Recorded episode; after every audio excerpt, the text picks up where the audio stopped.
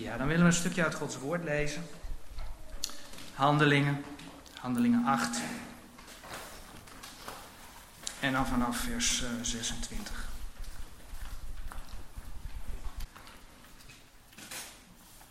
Eh, Handelingen 8 vanaf vers 26.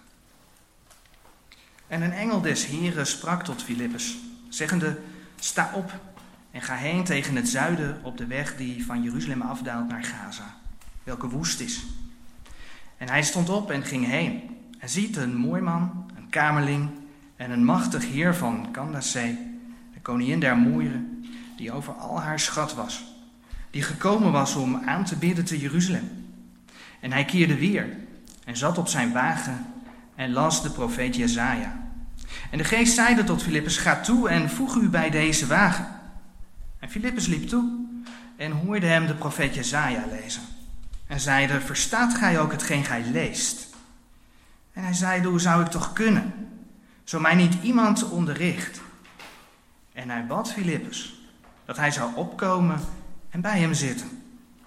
En de plaats der schriftuur die hij las was deze. Hij is gelijk een schaap ter slachting geleid en gelijk een lam stemmeloos is voor hem die het scheert, alzo doet hij zijn mond niet open. In zijn vernedering is zijn oordeel weggenomen en wie zal zijn geslacht verhalen? Want zijn leven wordt van de aarde weggenomen. En de kamerling antwoordde Filippus en zeide, ik bid u, van wie zegt de profeet dit? Van zichzelf of van iemand anders? En Filippus deed zijn mond open en beginnende van diezelfde schrift verkondigde hem Jezus. En alzo zij over wegreisden, kwamen zij aan een zeker water en de kamerling zeide, zie daar water, wat verhindert mij gedoopt te worden? En Filippus zeide, indien gij van ganse harte gelooft, zo is het geoorloofd. En hij antwoordende zeide, ik geloof dat Jezus Christus de Zoon van God is. En hij gebood de wagen stil te houden en zij daalden beide af in het water, zo Filippus als de kamerling. En hij doopte hem. En toen zij uit het water waren opgekomen, nam de geest des Heren Filippus weg. En de kamerling zag hem niet meer, want hij reisde zijn weg met blijdschap. Maar Filippus werd gevonden te Azoten. En het land doorgaande verkondigde hij het evangelie in alle steden, totdat hij te Caesarea kwam. Wat we in dit schriftgedeelte zien gebeuren is dat een moorman, een Ethiopische kamerling, in Jeruzalem is wezen aanbidden. Op de een of andere manier kende deze man de God van Israël. En hij wist dat het Oude Testament het woord van God was. Hij wist dat hij in Jeruzalem moest zijn voor Gods tempel. Wat hij niet wist, was dat door het sterven van de Heer Jezus het voorhang van de tempel in tweeën van boven naar beneden gescheurd was. Dat staat in Matthäus 27, vers 51. Wat hij niet wist, was dat vanaf dat moment er alleen in de Heer Jezus redding was. De kamerling de kamerling, ja, die was op zoek naar God. De kamerling was wel religieus, maar hij geloofde niet in de Heer Jezus. En dat terwijl hij net uit Jeruzalem kwam, waar de tempel stond, het instituut, maar ook daar kenden ze de Heer Jezus niet. Maar dan gebeurt er iets moois. De Heer die brengt Filippus op zijn weg. En wat er dan gebeurt, we lezen dat de kamerling in uh, de profeet Jezaja aan het lezen was. Hij was in Gods woord aan het lezen. Maar hij begrijpt het niet, hè? Handelingen 8, vers 31. En Filippus mag hem Gods woord uitleggen. En dan lezen we in Handelingen 8, vers 35. Hebben we net gelezen. En Filippus deed zijn mond open en beginnende van diezelfde schrift verkondigde hem Jezus. Filippus mag aan de hand van de schrift uitleggen wie de Heer Jezus is. En wat hij gedaan heeft. En reken maar dat de kamerling niet de oorspronkelijke rollen in zijn handen had die Jezaja geschreven had. Maar aan de hand van het door de Heere bewaarde woord van God legt hij uit hoe het Oude Testament in vervulling is gegaan in de Heer Jezus. En dat doet hij aan de hand van Jesaja 53. Dat weten we door de versen die hier in dit gedeelte geciteerd worden. En als je in Jesaja 53, vers 1 tot en met 12 gaat kijken, dan zie je dat dat gedeelte gaat over het lijden en het sterven van de Heer Jezus. Het lijden en sterven van de Heer Jezus voor de zonde van de mensen. Dus Filippus verkondigde hem dat de Heer Jezus in de plaats van zijn en onze zonde is gestorven. Zodat hij, zodat wij gerechtvaardigd zouden kunnen worden. In Jesaja 53, vers 11, daar lezen we dan ook. Het is dus de schrift die die, die die kamerling bij zich had. En dit staat er ook. Om de arbeid van zijn ziel zal hij het zien en verzadigd worden. Door zijn kennis zal mijn knecht de rechtvaardige vele rechtvaardig maken, want hij zal hun ongerechtigheden dragen. Dat is Jezaja 53, vers 11. Nu is het niet zo dat mensen de ogen van andere mensen kunnen openen. Daarvoor is het werk van Gods geest nodig. Het is Gods geest die in al de waarheid wil leiden. Die mensen zicht geeft op Gods woord. Daar twee teksten, eh, Johannes 14, vers 26 en Johannes 16, vers 13, daar kun je dat vinden. Het is dan ook niet voor niets dat we in dit gedeelte zien dat Gods geest aan het werk is. Maar de Heer wil dus wel mensen, in dit gedeelte Filippus, mensen gebruiken om zijn woord door te geven. En zo ook hier. Gods woord is de waarheid. Gods woord komt 100% uit. En het is die verkondiging die ertoe leidt dat de kamerling gelooft wat er geschreven staat. En de kamerling, hebben we net gelezen, komt tot geloof in de Heer Jezus. En dit doet mij denken aan aan wat de apostel Paulus aan de gemeente van de Heer Jezus mocht schrijven. In Efeze 1, vers 13 en 14, je kunt het van de dia meelezen. Daar zegt de Heer door Paulus, in wie gij ook zijt, wie? Jezus Christus, in wie gij ook zijt, nadat gij het woord der waarheid, namelijk het evangelie uw zaligheid gehoord hebt, in wie gij ook, nadat gij geloofd hebt, zijt verzegeld geworden met de Heilige Geest der belofte, die het onderpand is van onze erfenis, tot de verkregen verlossing, tot prijs van zijn heerlijkheid. Hier staat dus dat mensen door het horen van het woord, door het horen van het woord van God tot geloof komen, dan door de Here verzegeld worden met zijn geest en daardoor de verlossing al reeds verkregen hebben. Een kind van God mag zeker weten dat hij of zij behouden is. Maar waar het nu even om gaat, is dat door het horen van het woord, dat lezen we ook hier weer, iemand tot geloof komt in de Heer Jezus. De Heer werkt door zijn woord. Een andere tekst die dat ook zo mooi aangeeft, staat daar ook in Romeinen 10, vers 17. Zo dan is het geloof uit het gehoor en het gehoor door het woord Gods. De Heer heeft zijn woord gegeven, zodat mensen tot geloof kunnen komen. En dat is iets waar hij door zijn geest aan werkt. zoals het ook in het evangelie uh, naar de beschrijving van Johannes vermeld staat.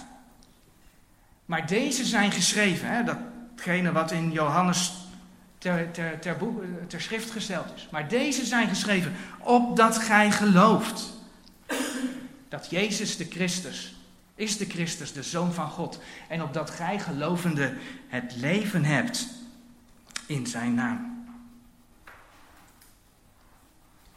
En dat is precies wat we bij de Kamerling in werking zien. Maar niet alleen bij de Kamerling. De vorige Bijbelstudie hebben we ook al aan de doop besteed. En toen hebben we onder andere stilgestaan bij de gevangenbewaarder van Filippi. Dat staat in Handelingen 16.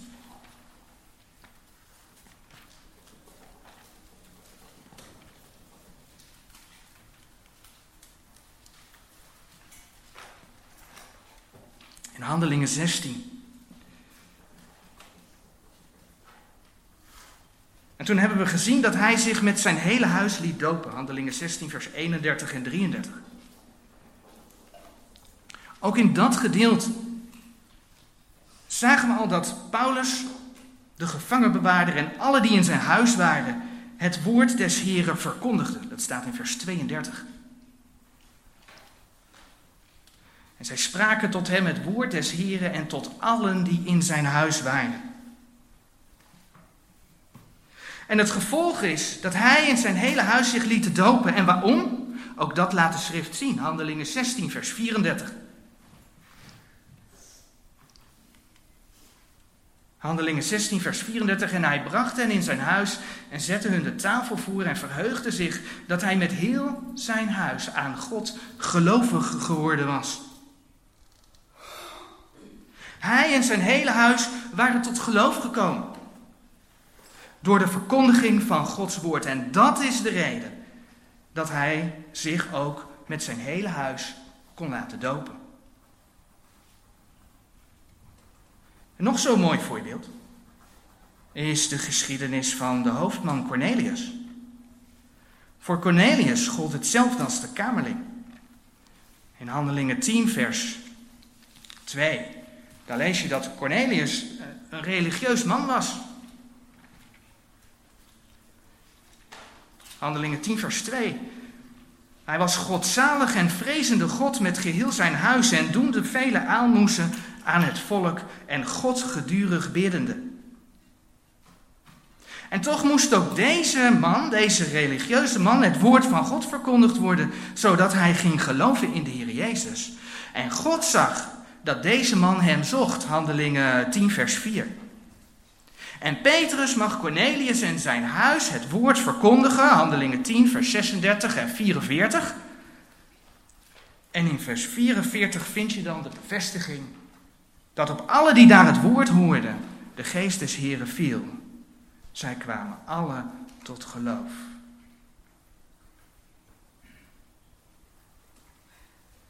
En ook zij, handelingen 10, vers 47, worden vervolgens gedoopt. Nou, in handelingen 8, vers 37 hebben we net gelezen. Zien we zo mooi verwoord wat de reden van de doop is. En Filippus zeide, indien gij van ganser harte gelooft, zo is het geoorloofd. En hij antwoordde de zeide, ik geloof dat Jezus Christus de Zoon van God is.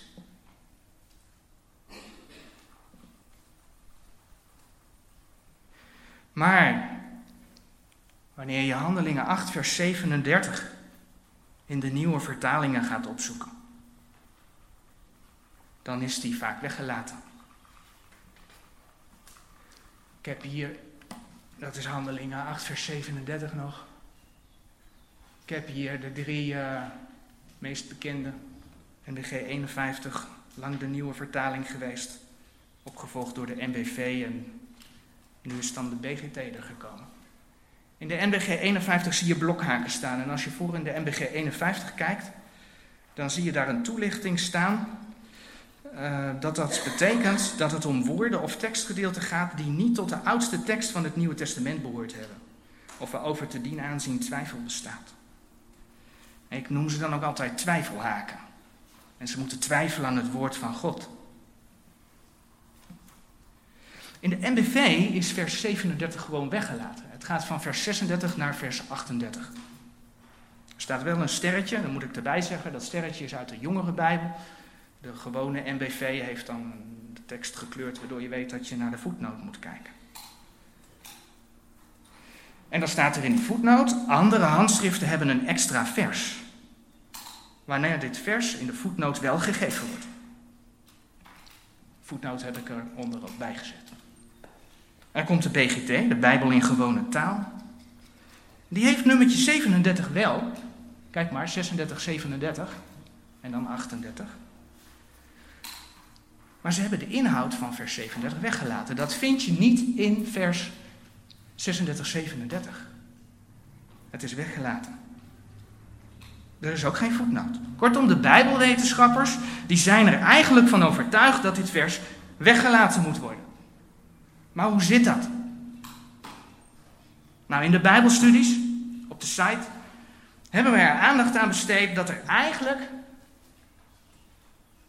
volgens mij is het schema zelfs nog vrij leesbaar. Ik heb voor de zekerheid in het midden van het boekje dat schema opgenomen, zodat iedereen gewoon mee kan kijken. Er zijn eigenlijk twee soorten handschriften, grofweg. vroeger werden de Bijbelboeken met de hand overgeschreven, op perkament, op papyrus. En daar zijn kleine en grote delen van bewaard gebleven, teruggevonden. En dat worden dus handschriften, manuscripten genoemd. En er zijn er dus grofweg twee soorten van. En dat wordt in dat schema verwoord. Verbeeld. Handschriften die hun oorsprong hebben in Antiochieën. Antiochieën die volgens de Bijbel, Gods woord in Handelingen 16, zeg ik dat goed? Nee, Handelingen 11. Het centrum is van waaruit Gods woord verspreid werd. En er zijn handschriften die hun oorsprong hebben in Alexandrië.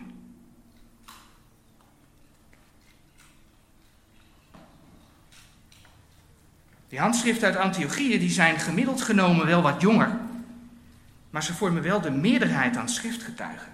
En ze hebben nagenoeg dezelfde tekst.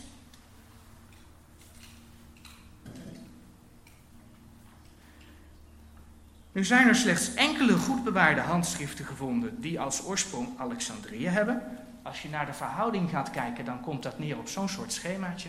Alle witte vlakjes, dat zijn de handschriften uit Antiochië. En de zwarte vlakjes, dat zijn de handschriften uit Alexandrië naar verhouding. Is maar heel bijzonder weinig.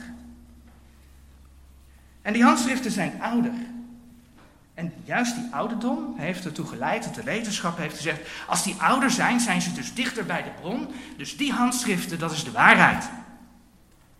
Wat ze er alleen niet bij vertellen, is dat die handschriften, dat daar vaak heel veel verschillen in zitten. Dat er zelfs, ik heb daar kopieën van, correcties in zijn aangebracht. Dat zou dus tot de conclusie kunnen leiden dat ze misschien wel ouder zijn, maar niet betrouwbaar. Wat is daar de oorzaak van? Die oorzaak ligt in Alexandrië. In Alexandrië, daar heeft lang een soort universiteit gestaan waar men de schrift heeft willen aanpassen, begrijpelijk heeft willen maken voor de mensen. Hey, dat kennen we vandaag de dag ook nog, hè? De ene na de nieuwe, de ene na de andere die verschijnt, want we moeten het begrijpbaar maken voor de mensen. Nou, in de tijd dat de Heer Jezus op aarde rondliep, was dat al aan de gang. Daar in Alexandrië.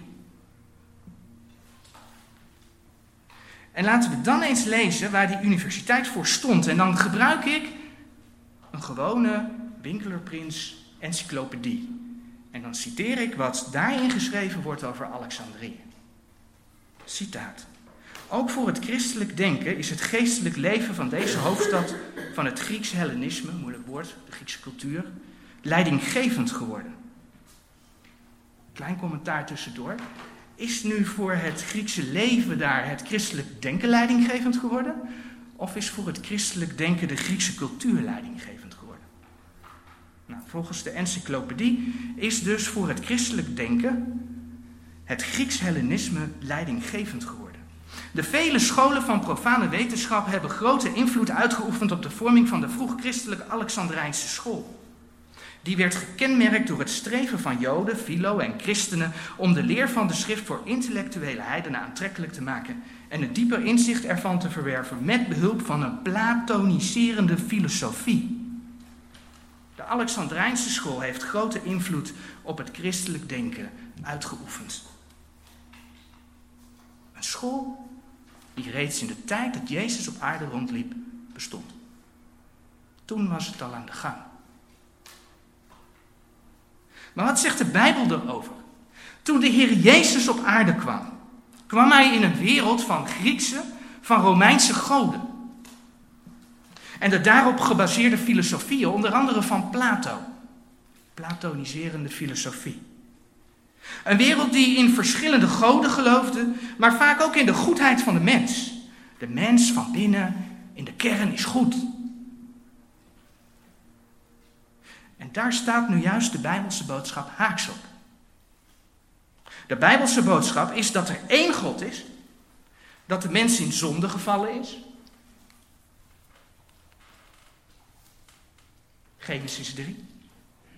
En dat niet één mens goed is. Romeinen 3, vers 12. En dat alle het nodig hebben om gered te worden door de Heer Jezus en wat Hij gedaan heeft. Romeinen 3, vers 22 tot 25. En het is dan ook niet voor niets dat we in Gods woord een waarschuwing tegen die filosofie vinden. Colossense 2, vers 8. Zie toe dat niemand u als een roof meevoeren door de filosofie en ijdele verleiding naar de overlevering der mensen, naar de eerste beginselen der wereld en niet naar Christus. Die hele filosofie, filosofische Griekse wereld waar de Heer in kwam, die leidt mensen niet naar Christus. Hij heeft God in zijn woord laten optekenen, maar naar de beginselen van de wereld. Een deel van de christenen had daar blijkbaar geen boodschap aan en vermengde, vermengde de schriften met filosofie. Alexandria. Omdat zij het daardoor dachten beter te begrijpen. De werkelijkheid is dat men het heidense gedachtegoed in Gods woord heeft gebracht. En vanaf 1880 na Christus heeft men enkele handschriften uit Alexandrië gebruikt om de schrift aan te passen. En de ene naar de nieuwe, andere nieuwe vertaling die verschijnt. En wanneer wij nu dus in onze nieuwe vertalingen twijfelhaken zien, of voetnoten, dat oudere teksten deze versen niet hebben, eh, dan is dat een verwijzing naar die Alexandrijnse geschriften. En heel vaak wordt er niet eens een voetnoot bij, want de, de, de, de verandering wordt gewoon gemaakt. Tegenwoordig wordt ook niet meer met de Statenvertaling vergeleken, maar de PGT wordt vergeleken met de MBG. Maar de MBG 51 was dit al bezig. Dat is de oorsprong van de schriftkritiek. En dat de vermenging van Gods woord met heidense filosofie ons niet bij Christus brengt, maar bij de eerste beginselen der wereld. En dus niet leidt tot ongeloof, zien we vandaag de dag. En dan ga ik een voorbeeld geven, want om dat helemaal theoretisch uit te werken, dat, dat uh, gaan we niet doen. Maar ik ga een voorbeeld geven. En het voorbeeld is het Nederlands Bijbelgenootschap. Het Nederlands Bijbelgenootschap heeft deze NBV-studiebijbel uitgegeven, nog niet zo lang geleden. In deze studiebijbel, daar staat letterlijk, en als er iemand is die het niet gelooft of het zelf wil lezen, kom bij me. Ik heb alle dingen aangegeven. Je kunt het zo nalezen. Daar staat dat de Bijbelse God ontstaan is uit het polytheïsme van het Griekse pantheon dat hij de macht naar zichzelf toegetrokken heeft en zich de naam van het hoofd van de vergadering der goden toegeëigend heeft. Onze God is dus een lagere God, daar staat een God boven. Iemand die een beetje thuis is in de vrijmetselarij, die weet dat deze wereld Lucifer vereert. Dat is de hoogste God. Onze God is een lagere God volgens hem. De Heer Jezus wordt naast Boeddha, Zoroaster en Mohammed een legende genoemd. En men geeft aan dat door de vertelling van de evangelisten Jezus in de geschiedenis van Israël is ingevoegd. Jezus is geen geschiedenis, hij is er ingevoegd. Het is een vertelling, een legende. Golgotha wordt een mislukking genoemd. De opstanding en het lege graf worden historisch niet te controleren genoemd. En dus zou het later toegevoegd zijn om het geloof te verdedigen. En om deze opsomming af te sluiten, een citaat over de hemelvaart. Daar zegt men, zijn verhaal, dat gaat dus over het verhaal van de evangelisten in Matthäus, Marcus, Lucas. Zijn verhaal is echter geen feitelijk historisch verslag, maar eerder de verbeelding van de gelovige opvatting dat de, pardon, dat de verrezen Heer is verreven, verrezen in de glorie van God. Volgens de Bijbelwetenschappers, die onze nieuwe vertalingen verzorgen en een steeds beter bewijs vinden in zogenaamd oudere handschriften, is de opstanding en de hemelvaart de verbeelding van de gelovige opvatting. Dus het geloof is verbeelding. De Heer Jezus is voor hen dan ook een legende. Ik kan niet anders zeggen, en dan kom ik terug naar wat ik in het begin stelde: religieus of wedergeboren. Ik kan niet anders zeggen dan dat deze wetenschappers weliswaar religieus zijn. Waarschijnlijk zitten ze op zondag in de kerk.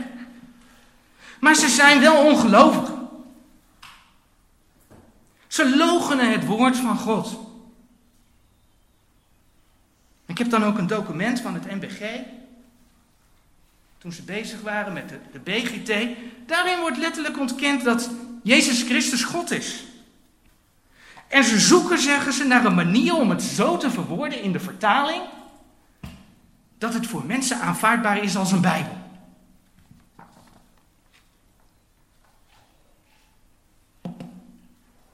Ik ga hier nu verder uh, geen voorbeelden van behandelen. Dat gaat voor vandaag te ver. Maar bij de uitgang leg ik straks de uitwerking van deze Bijbelstudie neer. En die gaat, die gaat verder. Daar geef ik ook voorbeelden. Voorbeelden om te laten zien dat in de BGT heel duidelijk het Bijbelse godsbeeld weggehaald wordt. Jezus Christus krijgt het eeuwige leven in plaats van dat hij het leven is. Sorry, noem ik toch een voorbeeld. Waarbij aangetoond wordt dat de Griekse filosofie ertoe leidt dat het Bijbels mensbeeld in de nieuwe vertalingen aangepast wordt. De mens is goed. De mens is niet goed, zegt Gods woord. Dat is allemaal ongeloof aan Gods woord. En door deze veranderingen die haak staan op Gods woord, zijn de nieuwe vertalingen niet meer het woord van God. Maar mensen zijn al zo gewend aan het praatje dat de kennis over de grondtalen steeds maar toeneemt. Dat velen het niet meer zien. En de mens glijdt steeds verder af van God en zijn woord. Maar dit is een teken van de tijd. Sorry, die had iets eerder gemoeten. Dit is een teken van de tijd. Het ongeloof neemt toe. De Bijbel laat zien dat kort voor de Heer Jezus zijn gemeente komt halen er een tijd van afval van het geloof zal zijn. Die wordt onder andere in 2 Thessalonicense 2 vers 3 genoemd. Dat u niemand verleiden op enige wijze, want die komt niet tenzij dat eerst de afval gekomen zijn en dat geopenbaard zij de mens der zonde, de zoon des verderfs. Want die komt niet. Wat is die? Dat is de dag van Christus, onze toevergadering tot Hem, de context 2 Thessalonicense 1, 2, vers 1 en 2. Dat kan pas aanbreken als de afval er is. Maar in die tijd van afval van geloof leven we. Sinds 1880 na Christus. En dat proces gaat steeds verder.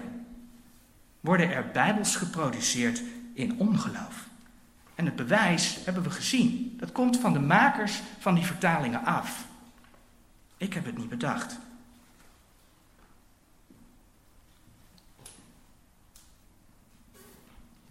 En dat brengt ons bij nog een teken van de tijd.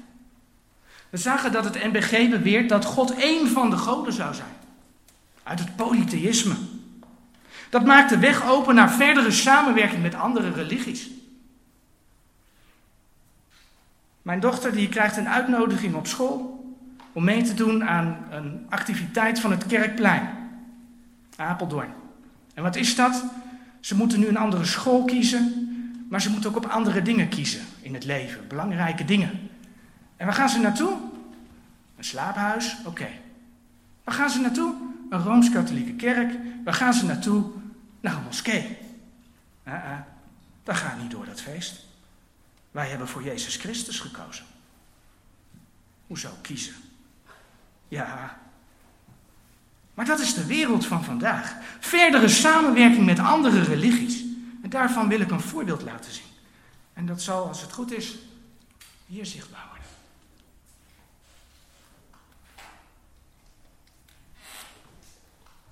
Creyentes, esto debería provocar un diálogo entre las religiones.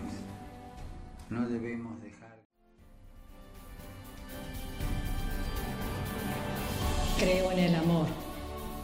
Creo en el amor. Creo en el amor. Creo en el amor. Confío en vos para difundir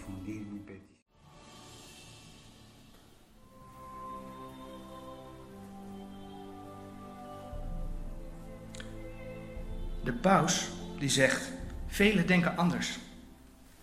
ervaren de dingen op een verschillende wijze. Zij zoeken God of vinden God op vele manieren, ik herhaal. Hè. Binnen deze waaier van religies en afwezigheid van religies, gelovig of niet gelovig, is er maar één zekerheid waarvan wij geloven dat ze geldt voor allen. We zijn alle kinderen van God. Dat is de paus. En dat terwijl de Bijbel zegt. Jezus zeide tot hem: Ik ben de weg en de waarheid en het leven. En die tweede zin is niet minder belangrijk. Niemand komt tot de Vader dan door mij. Dat zegt Jezus Christus. De paus weerspreekt Gods woord. En ieder die toevoegt aan Gods woord, zegt Spreuken 30, vers 6, is een leugenaar. De paus is een leugenaar. Duidelijker kan het niet. Want buiten Jezus Christus komt niemand bij God de Vader. Maar hoeveel mensen binnen protestantse en evangelische kring staan vandaag de dag positief tegenover die man? Het zijn er velen. Men vindt het een geweldige man. Maar hoe haak staat zijn boodschap op Gods woord? Op de boodschap van redding. Het Bijbelboek Openbaring wordt in veel kringen gezien als een boek dat verleden tijd is. Maar Openbaring is nog toekomst. En het is dichterbij dan we denken. Openbaring gaat grotendeels over de eindtijd. En beschrijft onder andere de grote hoer. En als je Openbaring 17 leest, in de religieuze uitingen die daar beschreven worden, tegenwoordig zijn er evangelisch dat is Mekka. Ga eens beter lezen. Er is maar één kerk die daar beschreven wordt en dat is de Rooms-Katholieke Kerk. Openbaring 17. Ik lees het even voor. Openbaring 17, vers, vers 5.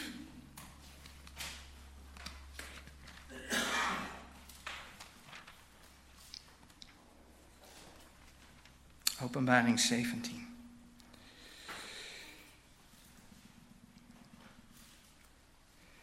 Vers 1. En uit de zeven engelen die de zeven schalen hadden, kwam en sprak met mij en zeide tot mij: Kom herwaarts en ik zal u tonen het oordeel van de grote hoer die daar zit op vele wateren, met welke de koningen der aarde gehoereerd hebben. En die de aarde bewonen, zijn dronken geworden van de wijn van haar hoererij.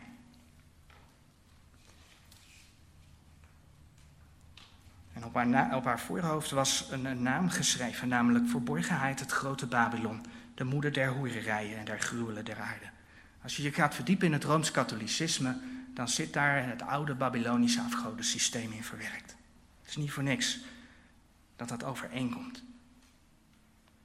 Het is deze kerk die de macht over de koningen der aarde heeft. Het is van deze laatste tijd dat de leiders, voordat ze een conferentie houden, eerst bij de paus op visite gaan. Dat is nog niet zo lang geleden, die foto. NOS Nieuws. Hij trekt alles naar zich toe.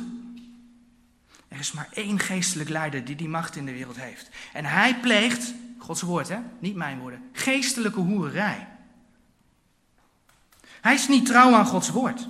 Hij zoekt samenwerking met boeddhisten, met moslims, anderen.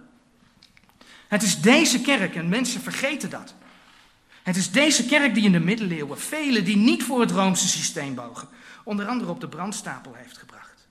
En dat is wat er weer gaat gebeuren. Volgens Openbaring 17, vers 6 is zij namelijk dronken van het bloed der heiligen.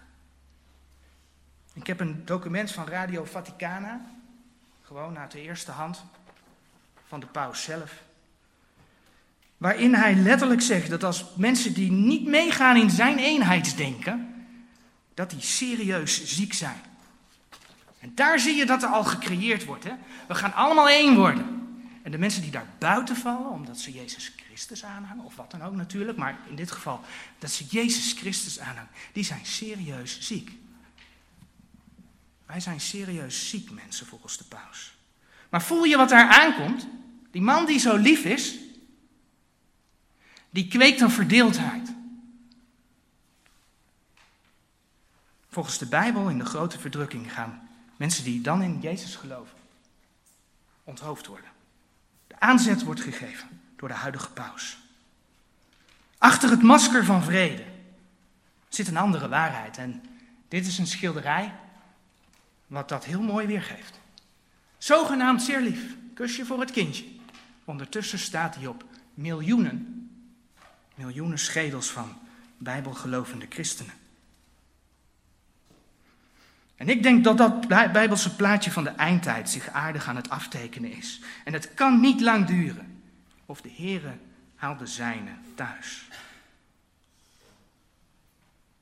Maar dan terug naar Handelingen 8, vers 37. Het vers waarin we zonder doekjes eromheen lezen waarom iemand zich kan laten dopen. In de Statenvertaling staat dat vers er gewoon. En voor mij gezien, het kleine stukje wat ik heb laten zien over de vertalingen, is dat genoeg om te weten dat dat Gods woord is. Het hoort erbij. Ik ga hier ook geen bewijzen opsommen die pleiten voor handelingen 8, vers 37. Dat is een deel van die studie waarvan ik die uitdraai gemaakt heb. Als je het wil lezen, neem het mee. Handelingen 8, vers 37 is ook Gods woord.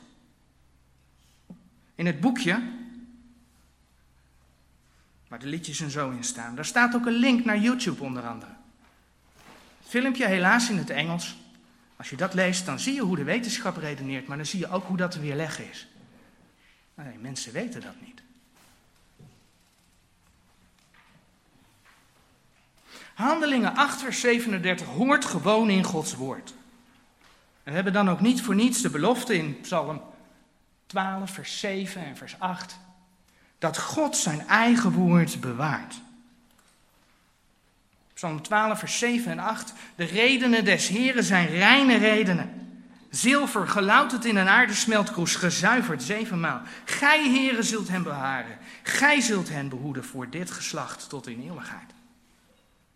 Als je dan niet gelooft dat God zijn woord verandert, dan verander je dat in dat God de mensen bewaart voor altijd. Dat staat namelijk in diverse nieuwe vertalingen. Er stond dat God zijn woord bewaarde. Mensen God bewaart de mensen niet voor altijd. In Jezus Christus is de redding. Daar waar de zogenaamde christelijke wetenschap onbetrouwbaar is geworden door ongeloof, ik heb het het MBG zelf laten vertellen in feite, hebben we Gods belofte dat Hij zijn woord niet alleen geïnspireerd heeft, Hij heeft zijn woord ook bewaard. Hij zou erover waken. En ondanks de grote tegenstand heeft Hij zijn woord bewaard.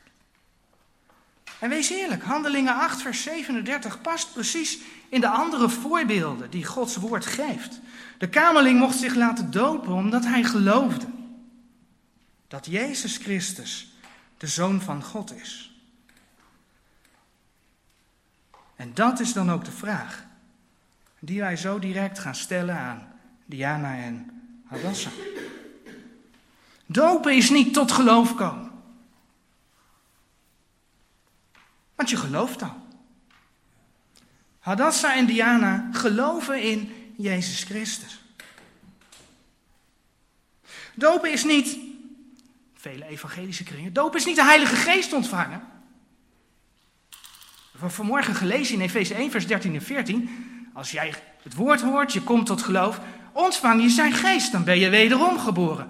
Dopen is niet de Heilige Geest ontvangen. Dopen is ook niet je zonde afwassen. 1 Petrus 3. Dat is dopen niet. Jezus bloed reinigt ons van alle zonden. Dopen is een getuigenis. De afgelopen Bijbelstudie hebben we daar uitgebreid bij stilgestaan aan de hand van Romeinen 6, vers 3 en 4.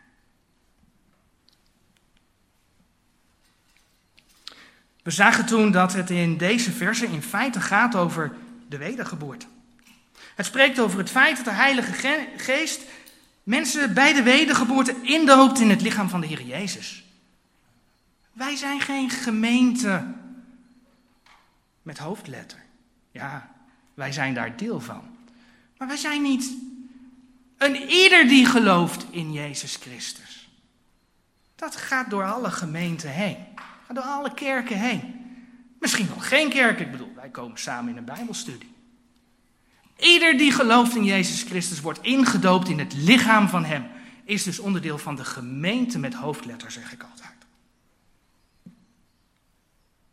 Daar hebben we de afgelopen Bijbelstudie onder andere bij stilgestaan. Romeinen 6, vers 3 en 4.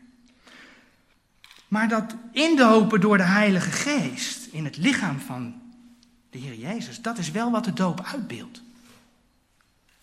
In de doop wordt namelijk zichtbaar wat de Heer Jezus in dit geval voor Diana, voor Hadassa gedaan heeft. Maar ook wat de Heilige Geest voor ze gedaan heeft. Wat de Heer Jezus en wat de Heilige Geest voor ze gedaan hebben. De waterdoop beeldt namelijk de dood, de begrafenis en de opstanding uit. Je gaat onder water als beeld van het sterven. Het sterven van de Heer Jezus, maar dus ook het beeld van het sterven van jouw zondige natuur. Want de Bijbel zegt, wij zijn, als je gelooft in de Heer Jezus, met Christus gestorven. Je bent onder water als beeld van de begrafenis van de Heer Jezus, maar ook als beeld van de dood van jouw zondige natuur. Je staat op uit het watergraf, als beeld van de opstanding van de Heer Jezus, maar ook als beeld van het nieuwe leven dat je ontvangen hebt in de Heer Jezus. Dus op die manier geef je door dat beeld uit te beelden een getuigenis van wat de Heer Jezus voor je gedaan heeft. En van wat de Heilige Geest bij de wedergeboorte met je gedaan heeft. En zo mag je getuigen van hetgeen je gelooft. En dan staat er in Handelingen 8, vers 39 nog.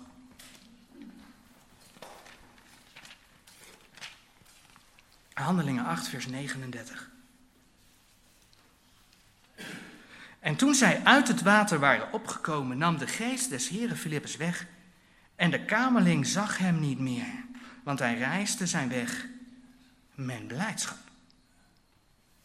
De kamerling vervolgde zijn weg met blijdschap. Betekent dit dat hij nooit problemen zou gaan tegenkomen? Nee. Er zijn voorbeelden genoeg in Gods woord. Voorbeelden genoeg. Dat mensen het zwaar hebben. Dat mensen het zwaar hebben. Denk aan Paulus. Maar dat neemt niet weg dat zij een blijdschap hebben, omdat ze vrede met God hebben. Romeinen 5, vers 1. Wij dan, gerechtvaardigd zijnde uit het geloof, hebben vrede bij God door onze Heer Jezus Christus. We moeten bedenken dat Filippus gedoopt werd toen hij net tot geloof gekomen was. Dus het is niet per definitie zo dat de doop je blijheid geeft. En natuurlijk mag je blij zijn. Als je die stap in gehoorzaamheid aan Gods woord kunt maken. Maar dat geeft geen blijvende vreugde. De vreugde ligt verborgen in ons geloof in de Heer Jezus Christus. Hij geeft ons vrede.